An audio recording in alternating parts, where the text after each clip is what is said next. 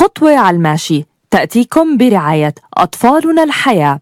خدمات ومشاريع نوعية وملائمة لأهالينا المقدسيين وأطفالهم في جيل الطفولة المبكرة. نقدمها لكم من خلال قسم الطفولة المبكرة وصفحة أطفالنا الحياة على مواقع التواصل الاجتماعي.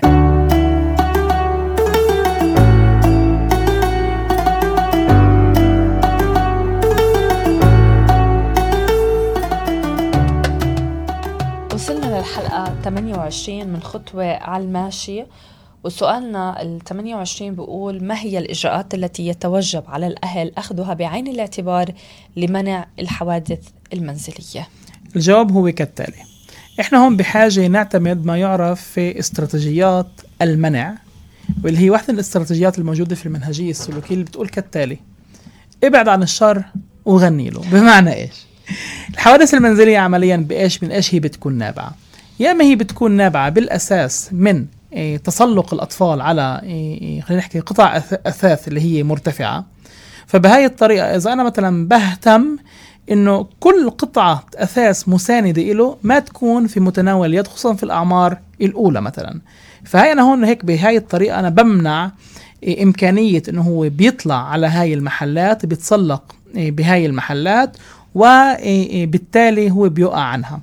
إذا بنحكي عن الحوادث المنزلية النابعة مثلا من إيه، كحوادث الاحتراق مرام وخلينا نحكي المياه الساخنة وإلى آخره. حتى لو ابنك عمال يصير مستقل وشوي شوي هو بده يفوت على الحمام. جدا مثلا مهم في وقت الحمام إنك أنت تهتم تكون حواليه. ودغري تكون دينيك مصغي له وبالمقابل كمان إذا عم بيلعب إيه، مثلا في البانيو في الماي إيه مرام ما تكون مستوى الماء يعني ما يكونش يغطي أكتر من كعب الإجر. الأولاد مش عمالها تدور إنه هي تعمل إيه إيه لا جاكوزي ولا امباطيا ولا تغطس هي بدها شوية مي تقدر تلعب فيها إيه ألعابها. في المقابل ممكن كمان مثلا أنا مثلا أجي مثلا أنصح في وقت الطبخ إنه يهتم الأب أو الأم إنه الأطفال ما تكونش موجودة في المطبخ ما تكون قريبة وين بيكون في عندنا مثلا عمليات قلي وإلى آخره. بالإضافة لهيك هي مثلا شيء كثير مثلا مهم في رمضان اللي عم بحضر السفرة الطرف الآخر إذا هو لسه مش عمال يكون موجود في المطبخ هو بيهتم إنه يبعد الأولاد عن محلات الخطر.